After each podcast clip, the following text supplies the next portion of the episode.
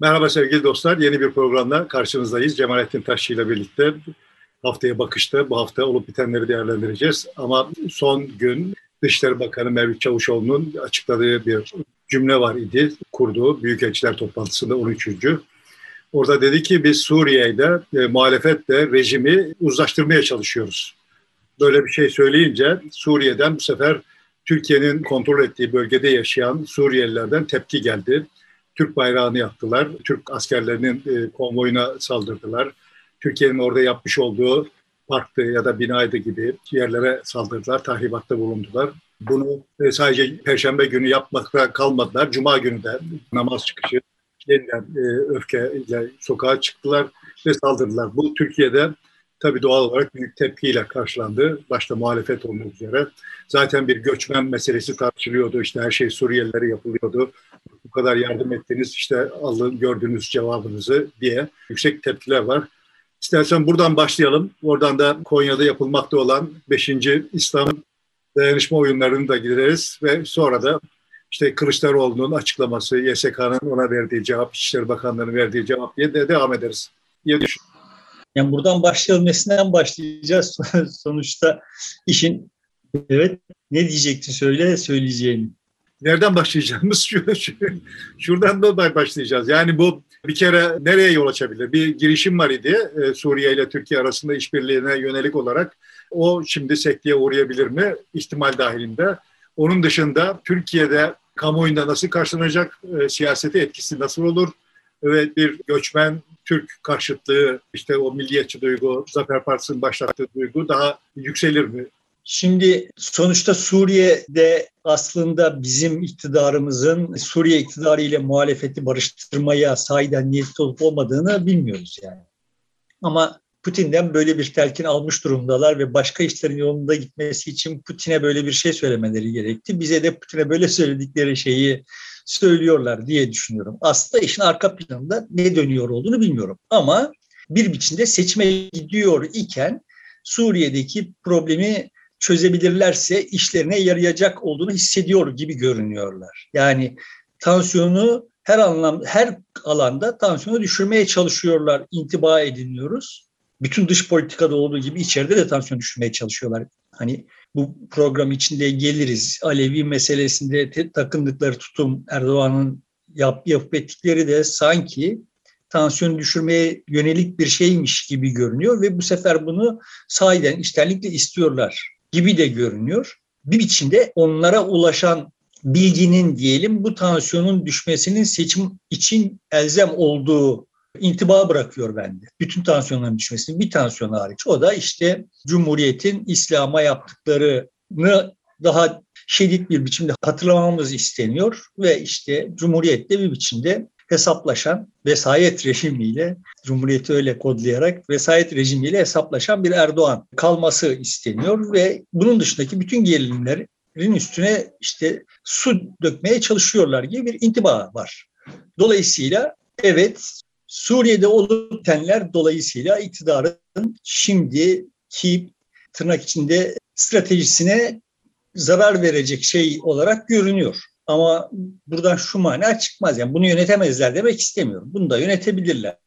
Suriye'de bir yıl kurban verirler. Yani Suriye muhalefetini kurban verirler. Sadece ne olmuş olur? İşte verecekleri tavizin, Esad'a verecekleri tavizin fiyatı yükselmiş olur. Yani daha çok taviz vermek zorunda kalırlar Esad'a gibi bir durumdalar diye düşünüyorum.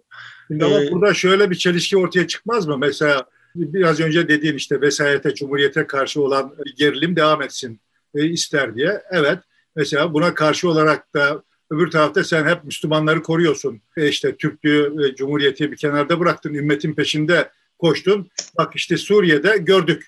Bu çaban boşa çıktı duygusunu artıracaktır. Bu belki gerilimi artırabilir.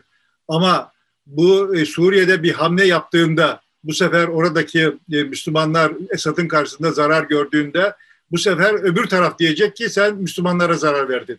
Yani iki taraftan açmaz gibi, iki taraftan da bir zor durumda kalabilirmiş gibi bir izlenim de var.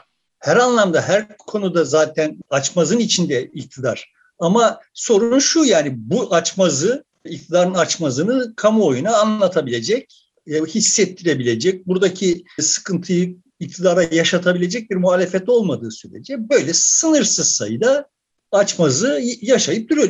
Ekonomide de öyle yani sonuçta işte bir takım işler yapıyor. Bu yaptığı işlerin bir takım sonuçları var. Ondan sonra bundan zincir marketleri şunları bunları suçlu gösterip bir gürültü çıkartıyor. Yani düştüğü her açmazdan gürültü yaparak ve işte utanmadan biz ama bu enflasyonla sokağa çıkabiliyoruzdan bir övünç payı çıkartarak falan yürüyüp yoluna gidiyor. Yani bunu Suriye meselesinde yapamayacak olduğunu beklemek yanlış bir şey. Sonuçta tabii ki kendi planları aksıyor, dur.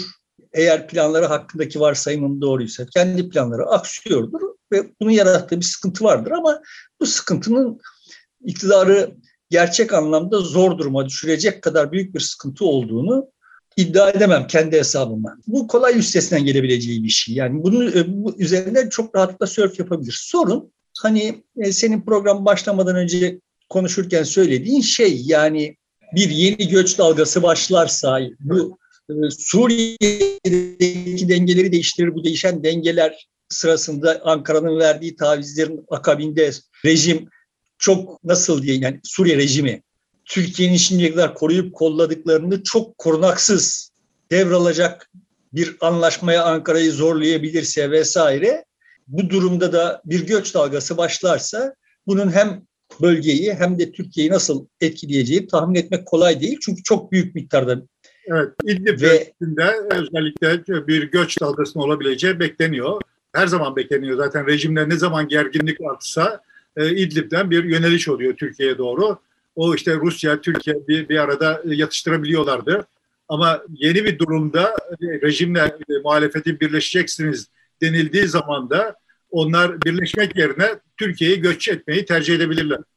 Hayır sadece göçün büyüklüğü de değil yani burada tayin ediyorlar. Mahiyeti itibariyle o göç büyük ölçüde işte bir cihat yaşamış insanların büyük ölçüde karıştığı bir göç olacak. Onun sonuçlarının neler olabileceğini tahmin etmenin yolu yok. Yani bu iktidarın asla yönetemeyeceği bir şey zaten. Yani iktidar herhangi bir şey yönetme kabiliyeti kalmadı. Böyle bir şeyi asla yönetemez. Hani onun yaratacağı etkiler zaten iktidarın boyunu aşmakla kalmaz. Türkiye'nin de boyunu aşar yani.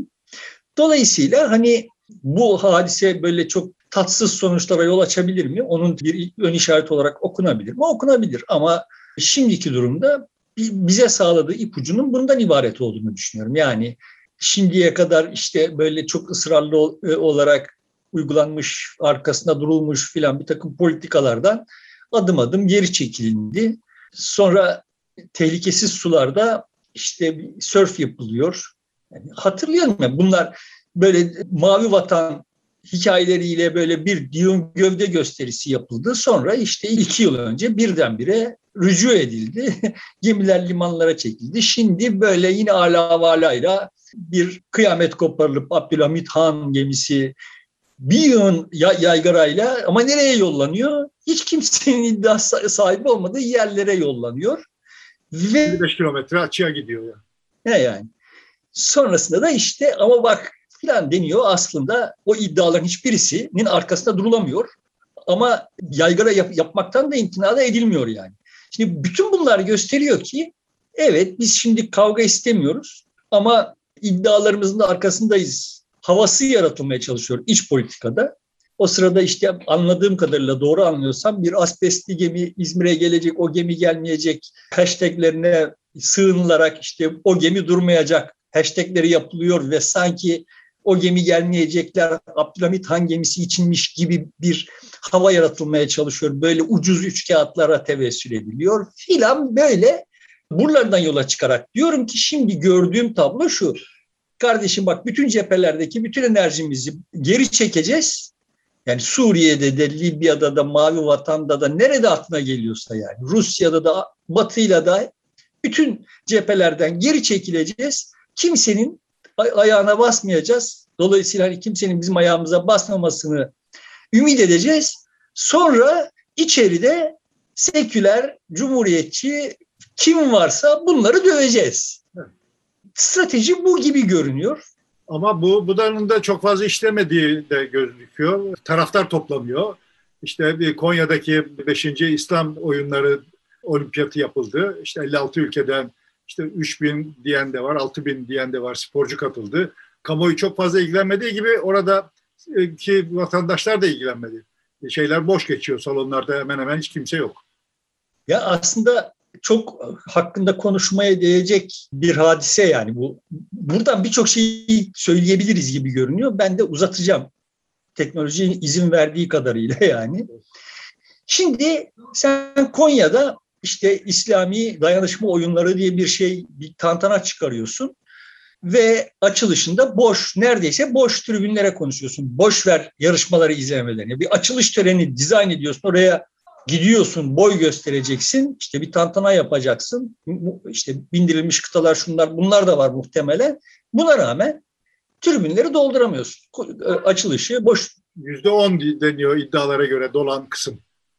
Yani görünüyor adamın konuşurken ki sesi yankılanıyor boşluktan yani görünüyor tribünlerin boşluğu da görülüyor yani zaten. Son tahlilde şimdi kamuoyu, muhalif kamuoyunun okumuş çocuklara yani sorsan desen ki kardeşim işte niye başarısız oluyorsunuz soruluyor ve işte ne diyorlar? Biz aslında aydınlık bir geleceği Türkiye için kuracak işte Atatürk'ün izinden veya işte bilimin ışığında filan falan ama işte memleketin büyük çoğunluğu dindar. İslam deyince her şeyi unutuyorlar. Bir takım hıyarlar da geliyorlar bunlara İslam diyorlar, ezan, bayrak falan diyorlar. Bunlar baştan çıkıyor. Biz bu yüzden oyalamıyoruz. O yüzden de işler yolunda gitmiyor. Şimdi genel hikaye bu değil mi muhalif kamuoyu? Evet. Ben, ben düşünüyordum ki bunlar sahiden memleketi tanımadıkları için memleketin insanını böyle biliyorlar. E bize de bu hikayeyi anlatıyorlar. Yıllardır bu kanalda da işte bak kardeşim memleketin insanı öyle değil bak bildiğiniz gibi değil falan deyip böyle aptal aptal uğraştım yani. Şimdi şimdi fark ettim ki bunlar aslında biliyorlar. Yani memleketin insanının öyle iddia ettikleri gibi olmadığını biliyorlar. Ama yani işte başarısızlıkların açıklamaları gerekiyor. Ötekiler nasıl başarısızlıkları açıklamak için dış güçler falanlar filanlar anlatıyor. Bunlar da bize böyle bir masal anlatıyorlar. İnandıklarından anlatmıyorlar yani. Kendileri de inanmıyor. Şimdi ama eğer doğru olsaydı anlattıkları hikaye, sen işte İslami dayanışma oyunları diye bir şeyi böyle tantanayla yapmışsın ve böyle bir ortamda, yani böyle bir iç siyasi ortamda yapmışsın. İslam lafını duyunca ne olmak gerekir? Erzurum'dan Sakarya'ya kadar Anadolu'da dört bir yanda böyle insanların İslami e, dayanışma oyunlarını TRT'de izlemeleri, tartışmaları, işte oradaki skorlar üzerinden bir şeyler paylaşmaları falan filan gerekir. Kimsenin umurunda değil kimse. Dediğin gibi hani Konya'da kimsenin umurunda değil. Nerede kaldı? Erzurum'da, Sakarya'da birileri bunları konuşur. Kimse mesela şeyde böyle Çamlıca Camii'ne gidip de filan böyle vay reisimiz Tayyibiye Camii yaptı, bin yıl yaşayacak işte medeniyetimizin yeni safhasının işareti falan diyor mu? Yani Çamlıca'da bir cami olduğunu sonuçta bu memleketin vatandaşı biliyor mu? Gitti mi? Yani Ayasofya'ya gidiyor. neden Ayasofya? Çünkü Ayasofya'nın açılmış olması, ibadete açılmış olması bir mana taşıyor. Cami olması ve işte oradan ezan okunması, orada cuma kılınabilmesi yüzünden değil. Bak Batı'nın bize dayatmalarına. Çünkü vatandaş öyle okuyor. Ayasofya niye müze oldu? Batı bize dayattı. Şimdi Aha bak gördünüz mü Batı'nın bize dayatmalarını Erdoğan nasıl ama cevap verdi diye okuyor. Cami olduğu için, Müslümanlık olduğu için bambaşka bir yerde dönüyor hikaye ya. Bunun en tipik hikayesi işte Çamlıca Camii kimsenin ilgisini çekmiyor. İslami dayanışma oyunları kimsenin ilgisini çekmiyor. Şimdi denebilir ki ya kardeşim memlekette insanlar canı burnunda nerede kaldı öyle İslami dayanışma oyunlarının açılışına gidecek Zaten adam acından yarını bilmiyor ama öyle olmuyor. Üç gün sonra Konya Spor Liechtenstein'ın dandik bir takımı. Yani zaten bir tane takımı var. Aynı statta, aynı sahada maç yapıyor ve tribünler doluyor. Yani aynı Konyalılar oraya gidiyorlar yani. O futbol, onun alıcısı çok.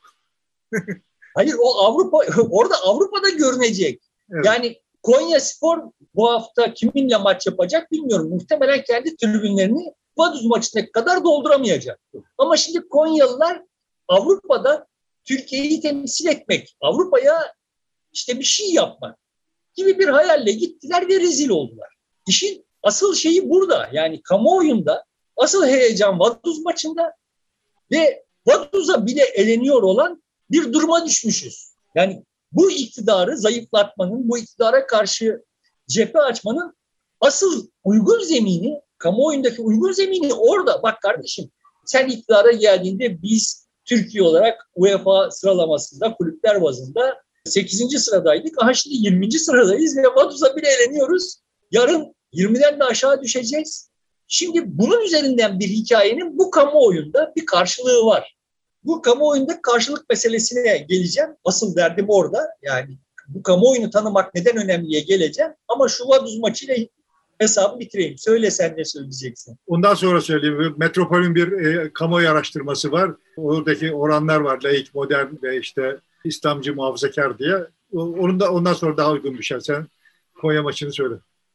Şimdi Vaduz maçın var Konya Spor'un. Yani şöyle şimdi iktidar bize bak kardeşim Türkiye futbolda 8. idi sen geldiğinde şimdi 20.liğe düştüğü dediğinde ama bir stat yaptık diyor hani. Yol yaptık, bilmem şunu yaptık, bunu yaptık gibi bir stat yaptık. E, stat yaptın, yaptığın stada da senin bile saygın yok. Hıyarası bir gösteri uğruna o İslami dayanışma oyunları dediğim soytarılıkın açılışı uğruna o sahanın zeminini telef ediyorsun. Şimdi başkaları da yapıyor bu tür sahalarda, bu tür organizasyonlar ve o zemini zemine zarar vermemeyi becerebiliyorlar. Şimdi bildiğin tek iş inşaat yapmak, inşaat yapıp eser bırakıp falan bir, bir hikaye yazacaksın. O esere senin saygın yok. Yani Ayasofya'ya senin saygın yok. Ayasofya'yı açıyorsun. Açmanla birlikte yığınla hasar meydana geldi.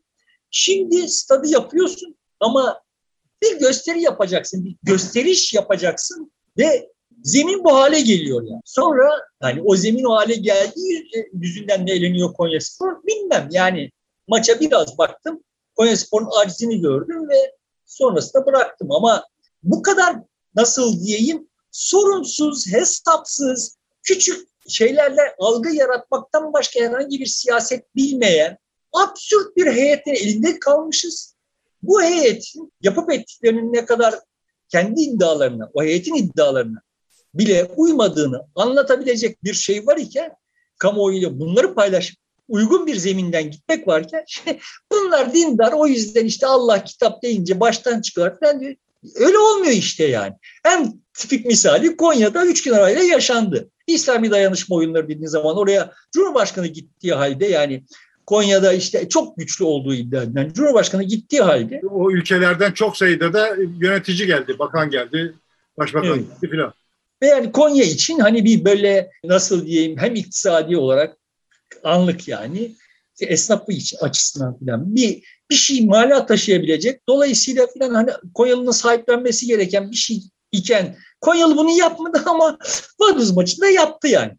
Dolayısıyla bak bu vatandaş böyle bir vatandaş kardeşim. Sizin kafanızdaki gibi değil. Şimdi sen araştırmayı söyle sonra ben... Bu, Metropol'ün araştırması daha bu hafta yayınlandı. E, diyor ki e, sormuş işte birkaç soru. Laik e, hangisine yakın sizin hayat tarzınız diye. Laik modern diyenler yüzde 36. İslamcı muhafazakar diyenler yüzde 31 modern muhafazakar diyenler de yüzde 24. İşte bir kısmı bilmiyorum falan demiş o kadar. Ama ağırlık böyle. Yani e, laik ve modern olanlar çoğunlukta. İslamcı muhafazakar diyenler 31'de, modern muhafazakar diyenler 24'te. Evet yani şimdi bunları tabii bana sorsalar ne diyeceğim ben de bilmem yani. Bu... ne kadar ölçen ayrı bir şey tabii. Bu tür kavramların çok e, hükmü olmadığını iddia edip duruyor ama son tahlilde evet yani kamuoyunda hepimiz gözlüyoruz yani. Biz fanusta yaşamıyoruz ki ya hepimiz gözlüyoruz.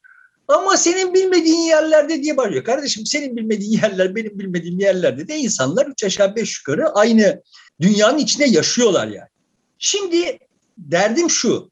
Kamuoyu dediğin tantana böyle işte kristal kristal yapısı kristal yapısı do, doğru bir tabir mi bilmiyorum bilmiyorum yani metalolojide öyle kristal yapısı gibi bir yapıya sahiptir. Sen şimdi buradan bir şey salarsın yani İslami dayanışma oyunları işte İslam ülkelerinin kendi aralarındaki bu bir yere kadar yayılır. Ayasofya'yı açtık ve işte şeye meydan okuduk. İşte Mavi Vatan'da Abdülhamit Han gemisiyle filan işte ona Abdülhamit Han adını verirsin. Şöyle yayılır. Çünkü işte bir yandan Mavi Vatan bir yandan Abdülhamit Han'ı işte pozitif görenler onun yayılmasını sağlarlar. Yani bunları biz sosyal medya mesela Twitter'da çok şey görüyoruz. sahih bir biçimde görüyoruz. Bazı şeyler çok kolaylıkla yayılıyor. Bazıları o kadar kolay yayılmıyor yani. Hani niye böyle bot hesaplar şunlar bunlar yapılıyor? Aslında yayılmayacak olan şey ya da yayılmıyor olan şeyi yayılmış göstermek için yapılıyor ama zaten orada hissediyorsun yani. Burada bir bot hesap var ve işte bot hesaplar girmiş devreye. Çünkü işte o yayılıyor olan kendi dinamiği, kendi akıntısıyla akıyor, kendi eğimiyle akıyor yani. Ve toplumu bu eğimler halinde okumak zorundasın. Böyle kendi kafandaki kavramlarla değil. Şimdi oluyor olan şey şu, benim iktidar kanadında hissettiğim. Her şey ellerinde kalmıştı ve e, yani ekonomide de çuvallayınca her şey ellerinde kalmıştı. Dış politikada dayak yemişlerdi. Ekonomide işler rayından çıkmıştı. Oylar böyle ölçüldüğü gibi görünmüyordu. Enerji yoktu. İşte Cumhurbaşkanı televizyona çıktığı zaman izlenme oranları düşük düşmüştü, dehşetli düşmüştü vesaire ve bir hayal kırıklığı vardı. Yani galiba gidiyoruz duygusu vardı. Şimdi gördüğüm tablo şu. Hani başta söylediğimi buna yaslanarak çıkartıyorum. Şimdi test ediyorlar. Her kanaldan her şeyle testler yapıyorlar. Yani ne ne kadar yayılacak? Bir, bir laf atıyor ortaya Nebati. Bu ne kadar kendi enerjisiyle yayılıyor. Öteki Süleyman bir laf atıyor. O kendi enerjisiyle arkada arkaya bir yığınak koymadan ne kadar yayılıyor. Kamuoyunda neyin sonuç getirebilir olduğunu test etmeye çalışıyor ve gördükleri şu ki bir tek husus sahiden yankı yapıyor. Sahiden belli bir yayılma mesafesine sahip. O da kardeşim biz bu cumhuriyet kurulduktan sonra bu toplumun ikinci sınıf vatandaşları olarak kodlandık. Bir takım züppeler geldiler bize işte dış işlerine monşer oldular. Orduda dinsiz oldular. Şurada şu oldular ve bizi bizim vatanımızda parya haline getirdiler. Şimdi bir tek bunun bir karşılığı var. Bunun karşılığı da bir iktidarı korumaya yetecek gibi görünmüyor. Çünkü bu daha önce denendi yani.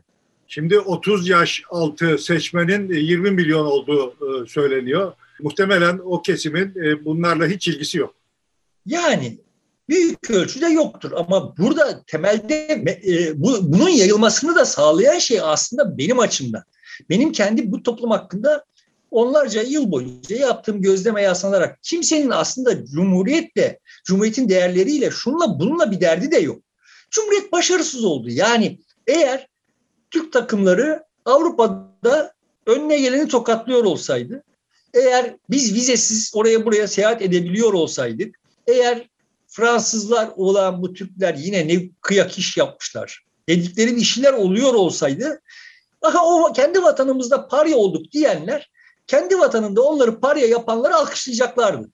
Yani Türkiye Cumhuriyeti vatandaşı olmanın dünyada reytingi düşük. Sıkıntı burada kardeşim. Yani sonuçta doğru düz romanlar yazmış olsaydınız Fransızlar vay Orhan Pamuk neler yazmış diyor olsalardı. Yani falanca Pakistanlı romancıya, filanca işte Hintli şeye bilim insanına gösterdikleri saygıyı Türklere gösteriyor olsalardı eğer ha, Türk bunlar Türk Türk ama bunlardan kaçalım demiyor olsalardı o zaman bu insanların sizinle de başka başka şeylerle de sıkıntısı olmayacak.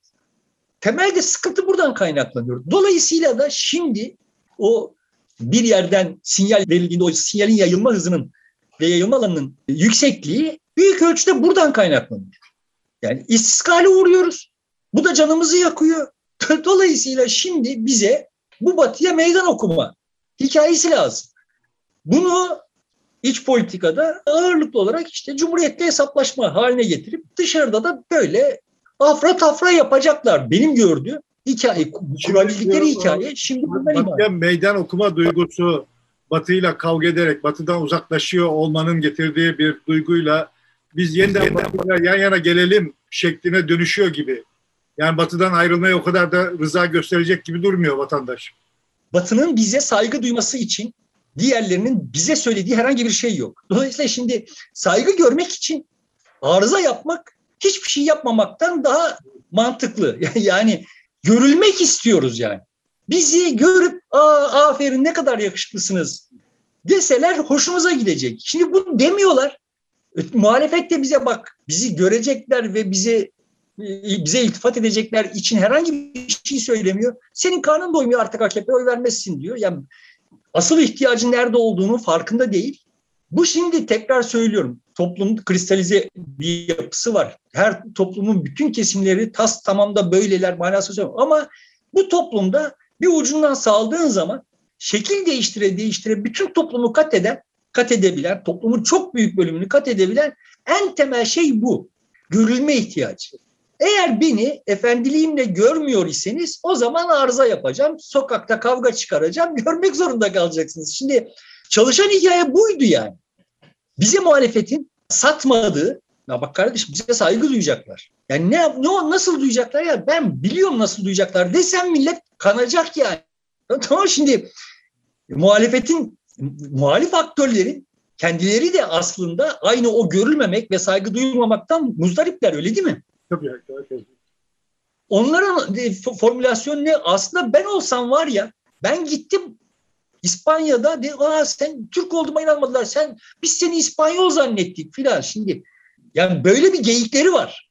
Yani diyorlar ki şimdi vatandaşa bak bize saygı duymuyorlar senin yüzünden.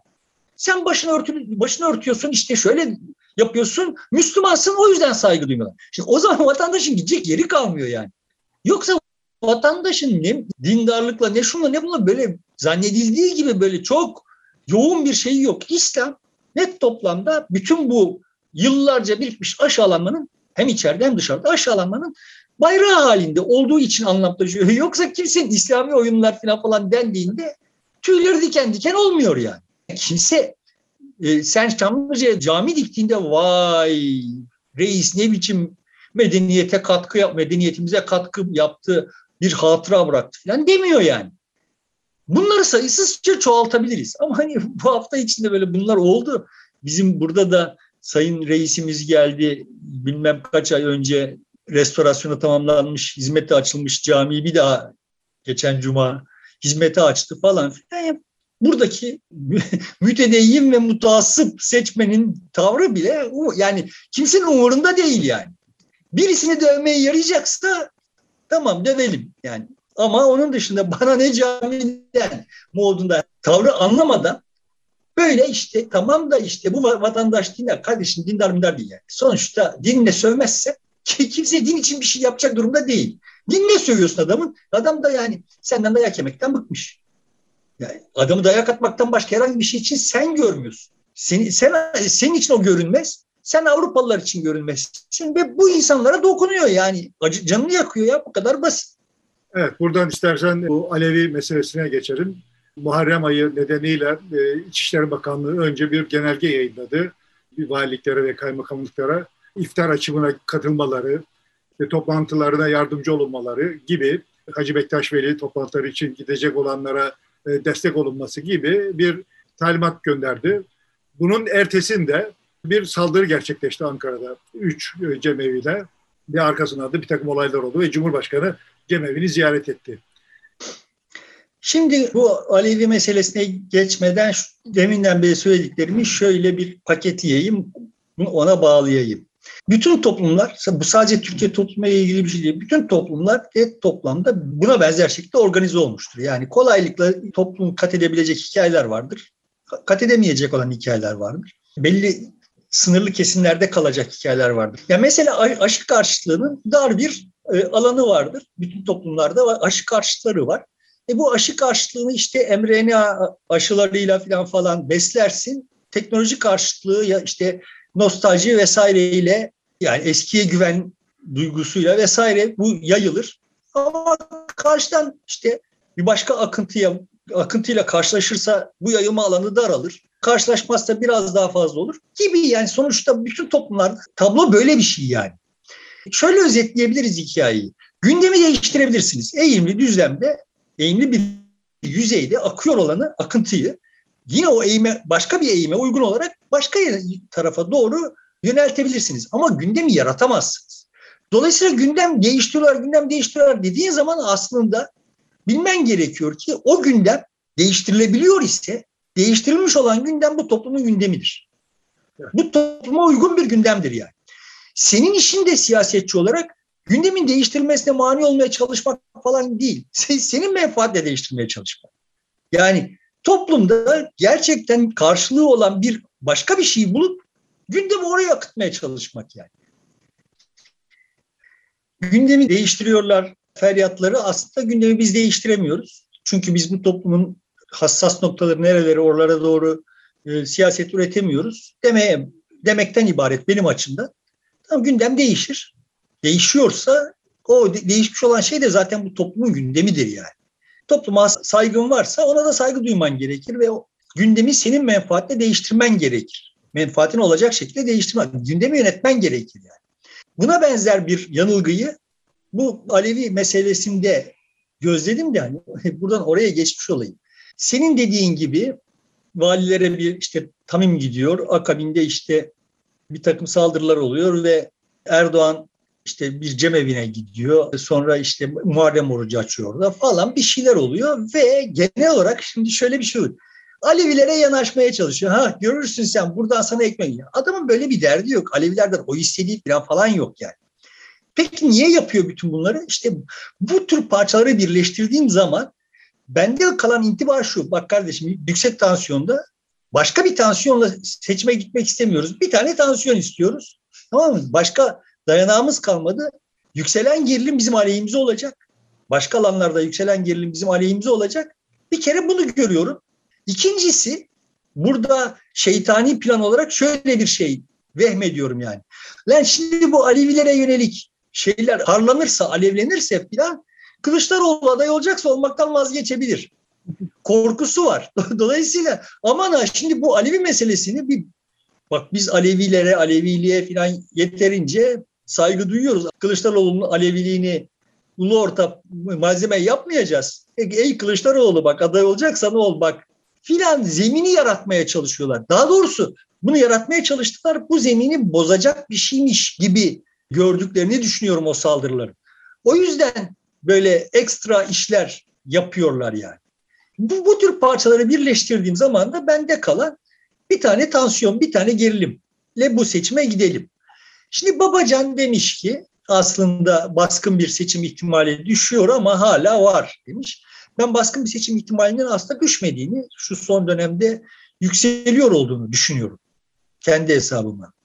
Yani bunun da işte bu tür konulardaki böyle çok cansiperhane bir balans ayarı ve bütün unsurların can havliyle, son kalan enerjileriyle hangi mesaj toplumda yayılır diye test ediyor olmalarına yaslanarak söylüyorum. Yani şimdi uzunca bir süre böyle işte sessiz sedasız gidiyordu olan böyle Abdülhamit Han gemisi üzerinden işte bilmem hangi e, hangi etkinlik iptalleri üzerinden. Şimdi etkinlik iptallerinde hatırla yani bundan iki ay önce, üç ay önce böyle dillerini ısırıyorlardı, utangaçtılar. Ya ama filan falan yani orada işte kıramayacağımız birilerinin yaptığı bir şeyler bu ve biz de mani olamıyoruz edası vardı. Şimdi öyle değil. Yani şimdi çok sahipleniliyor ve filan şimdi bunlara yaslanarak ha şimdi kendi alanlarını, sınırlarını iyice çizdiler kendilerince ve bu alanda bütün tahkimatı yığdılar. Bunu da sürdüremeyebilirler. Bu, bu kadar bile enerjisi kalmamış olabilir.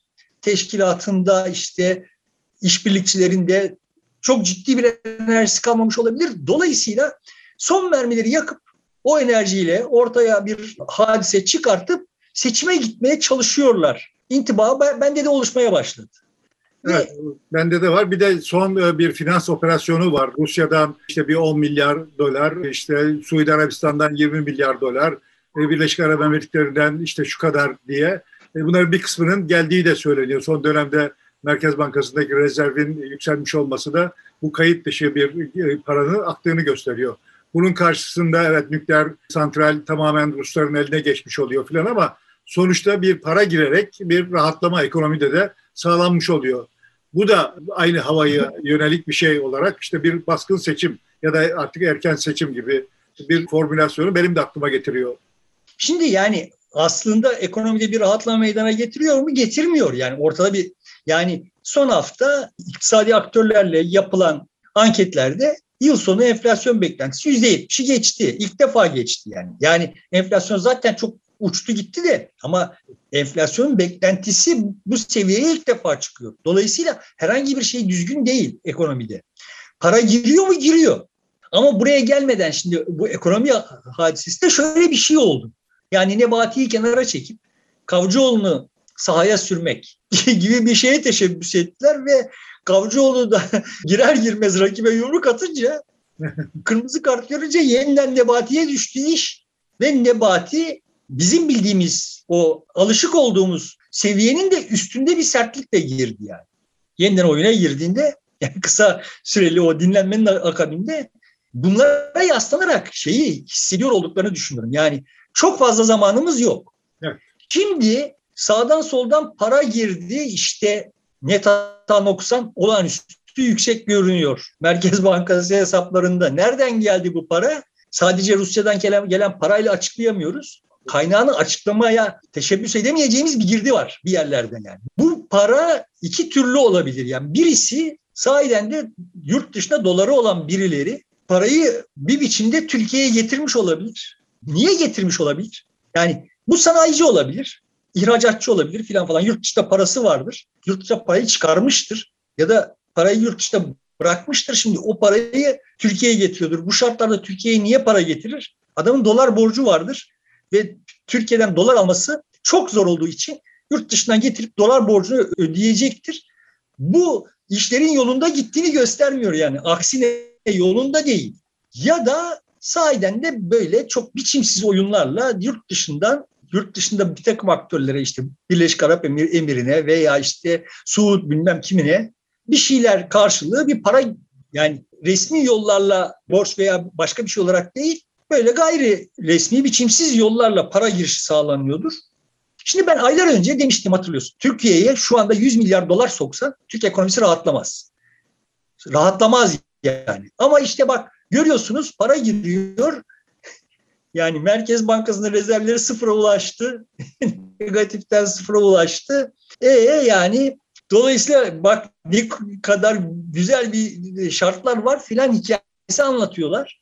Bu hikaye sürdürülebilir değil. Yani şimdi CDS primi düştü diye CDS primi dediğin şey sonuçta e, senin borçlarını ödeyemeyeceğin zannının fiyatı ve düştüğü şey şu. Hani bende bıraktığı intiba şu oldu yani.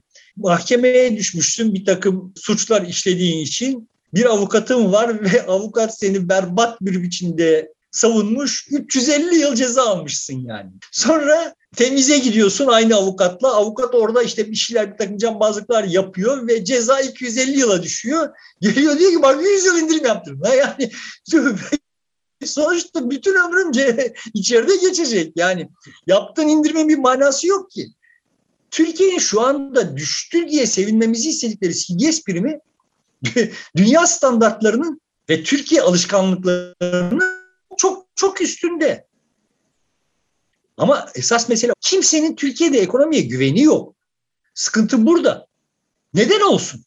Yani şimdi Yıllardır koltuk değneği olarak kullandığı Rifat Sarcıklıoğlu ne zaman ihtiyacım varsa yardımına koşmuş. Tabandan gelen baskıya dayanamayıp biraz itiraz edince küt diye adama şahsi, adamın şahsına taarruzda bulunuyorsun. Şimdi kim sana niye güvensin yani?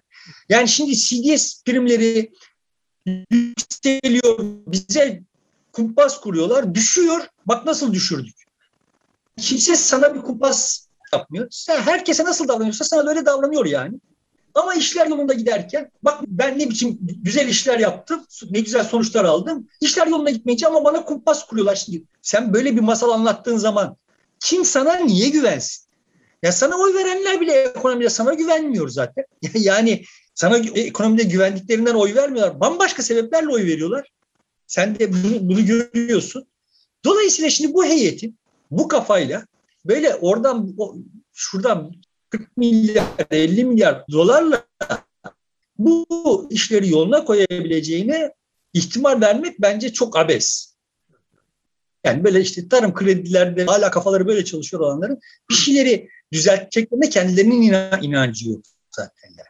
Ama kamuoyunda şu algıyı yaratmaya çalışıyorlar mı? Çalışıyorlar. Bak geldi para Merkez Bankası'nın rezervleri sıfırlandı. Tamam ya bak plan algısını yaratmaya çalışıyor. Şimdi Burada sıkıntı muhalefette. Yani muhalefet bu tür durumlarda hep olduğu gibi işte ezberinin dışına çıkınca iş gözüne far tutulmuş tavşan gibi kaldığı için bu bunlar iş yapabilir. Aksi halde yapmaz yani. Bu tek yani teknoloji bize daha çok izin vermeyecek. Hani ana hatları itibariyle Kılıçdaroğlu'nun diğer Yani Kılıçdaroğlu burada işte böyle tuhaf tuhaf çıkışlar yaptı bu hafta. İşte bir tanesi kur korumalı mevduatın sadece işte faizini ödeyeceğiz, üstünü ödemeyeceğiz filan gibi bir çıkışı oldu. Yani bunlar manasız şeyler. Ama bir sonuç doğurur mu? Eğer karşı taraf panikletirse doğururdu. Öyle olmadı.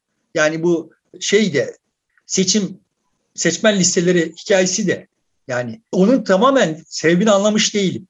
Kendi seçmen kamuoyunda bir moral takviyesi ise anlarım. Ama yani olayı öyle de sunamadı. Şimdi ben Kılıçdaroğlu'nun bu tür çıkışlarını hep şuna benzetiyorum yani. Erdoğan Kapıkule'nin dışına çıktığı zaman yani işte NATO toplantısında vesaire falan nasıl algılanıyor? Ya elleşmeyelim adam deli elleşmeyelim. Yani İsveç'in Finlandiya'nın NATO üyeliğine itiraz ederken nasıl davranılıyorsa şeye Erdoğan'a yurt dışında Türkiye kamuoyu, muhalif kamuoyu da dahil olmak üzere Kılıçdaroğlu'nu öyle görüyor. Yani. Kılıçdaroğlu bu tür oyunları oynamaya kalkmaktan behemhal vazgeçmeli benim kanaatime göre. Bir karşılığı yok.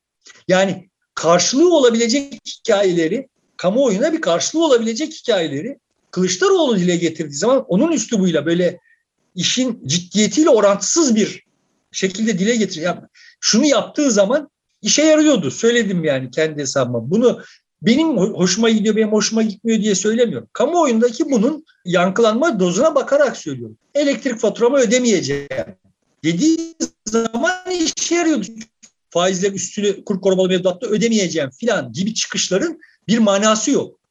Bu hani deniyor ki ama işte bunu kur korumalı mevduat bozulduğu zaman yeniden para kur korumalı mevduata yatırılmasına mani olur. Öyle bir şey olmaz çünkü onun için zaten böyle bir şeye ihtiyaç yok. Hali hazırda dövizin bastırılıyor olması yüzünden zaten oraya para yatırmış olanlar zaten bir daha yatırmayacaklar. Kaldı ki şöyle tablolar var yani yanlış bilmiyorsam iki banka vadesi dolmuş sendikasyon kredilerini çevirmeye karar verdiler. Muhtemelen arkası gelecek.